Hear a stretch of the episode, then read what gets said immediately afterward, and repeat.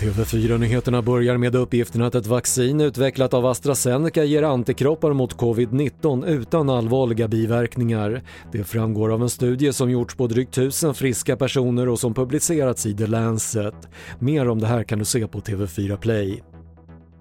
20 nya dödsfall med bekräftad covid-19 har rapporterats i Sverige sedan i fredags och därmed har 5 639 personer avlidit enligt Folkhälsomyndigheten. Så till Norge där mamman till de två barn som hittades döda i en lägenhet utanför Oslo igår morse misstänks för mord.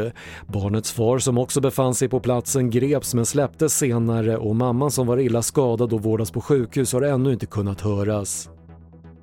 Och trots att max 50 besökare tillåts på biograferna är de inte fullsatta när allt fler salonger slår upp portarna igen, rapporterar SR.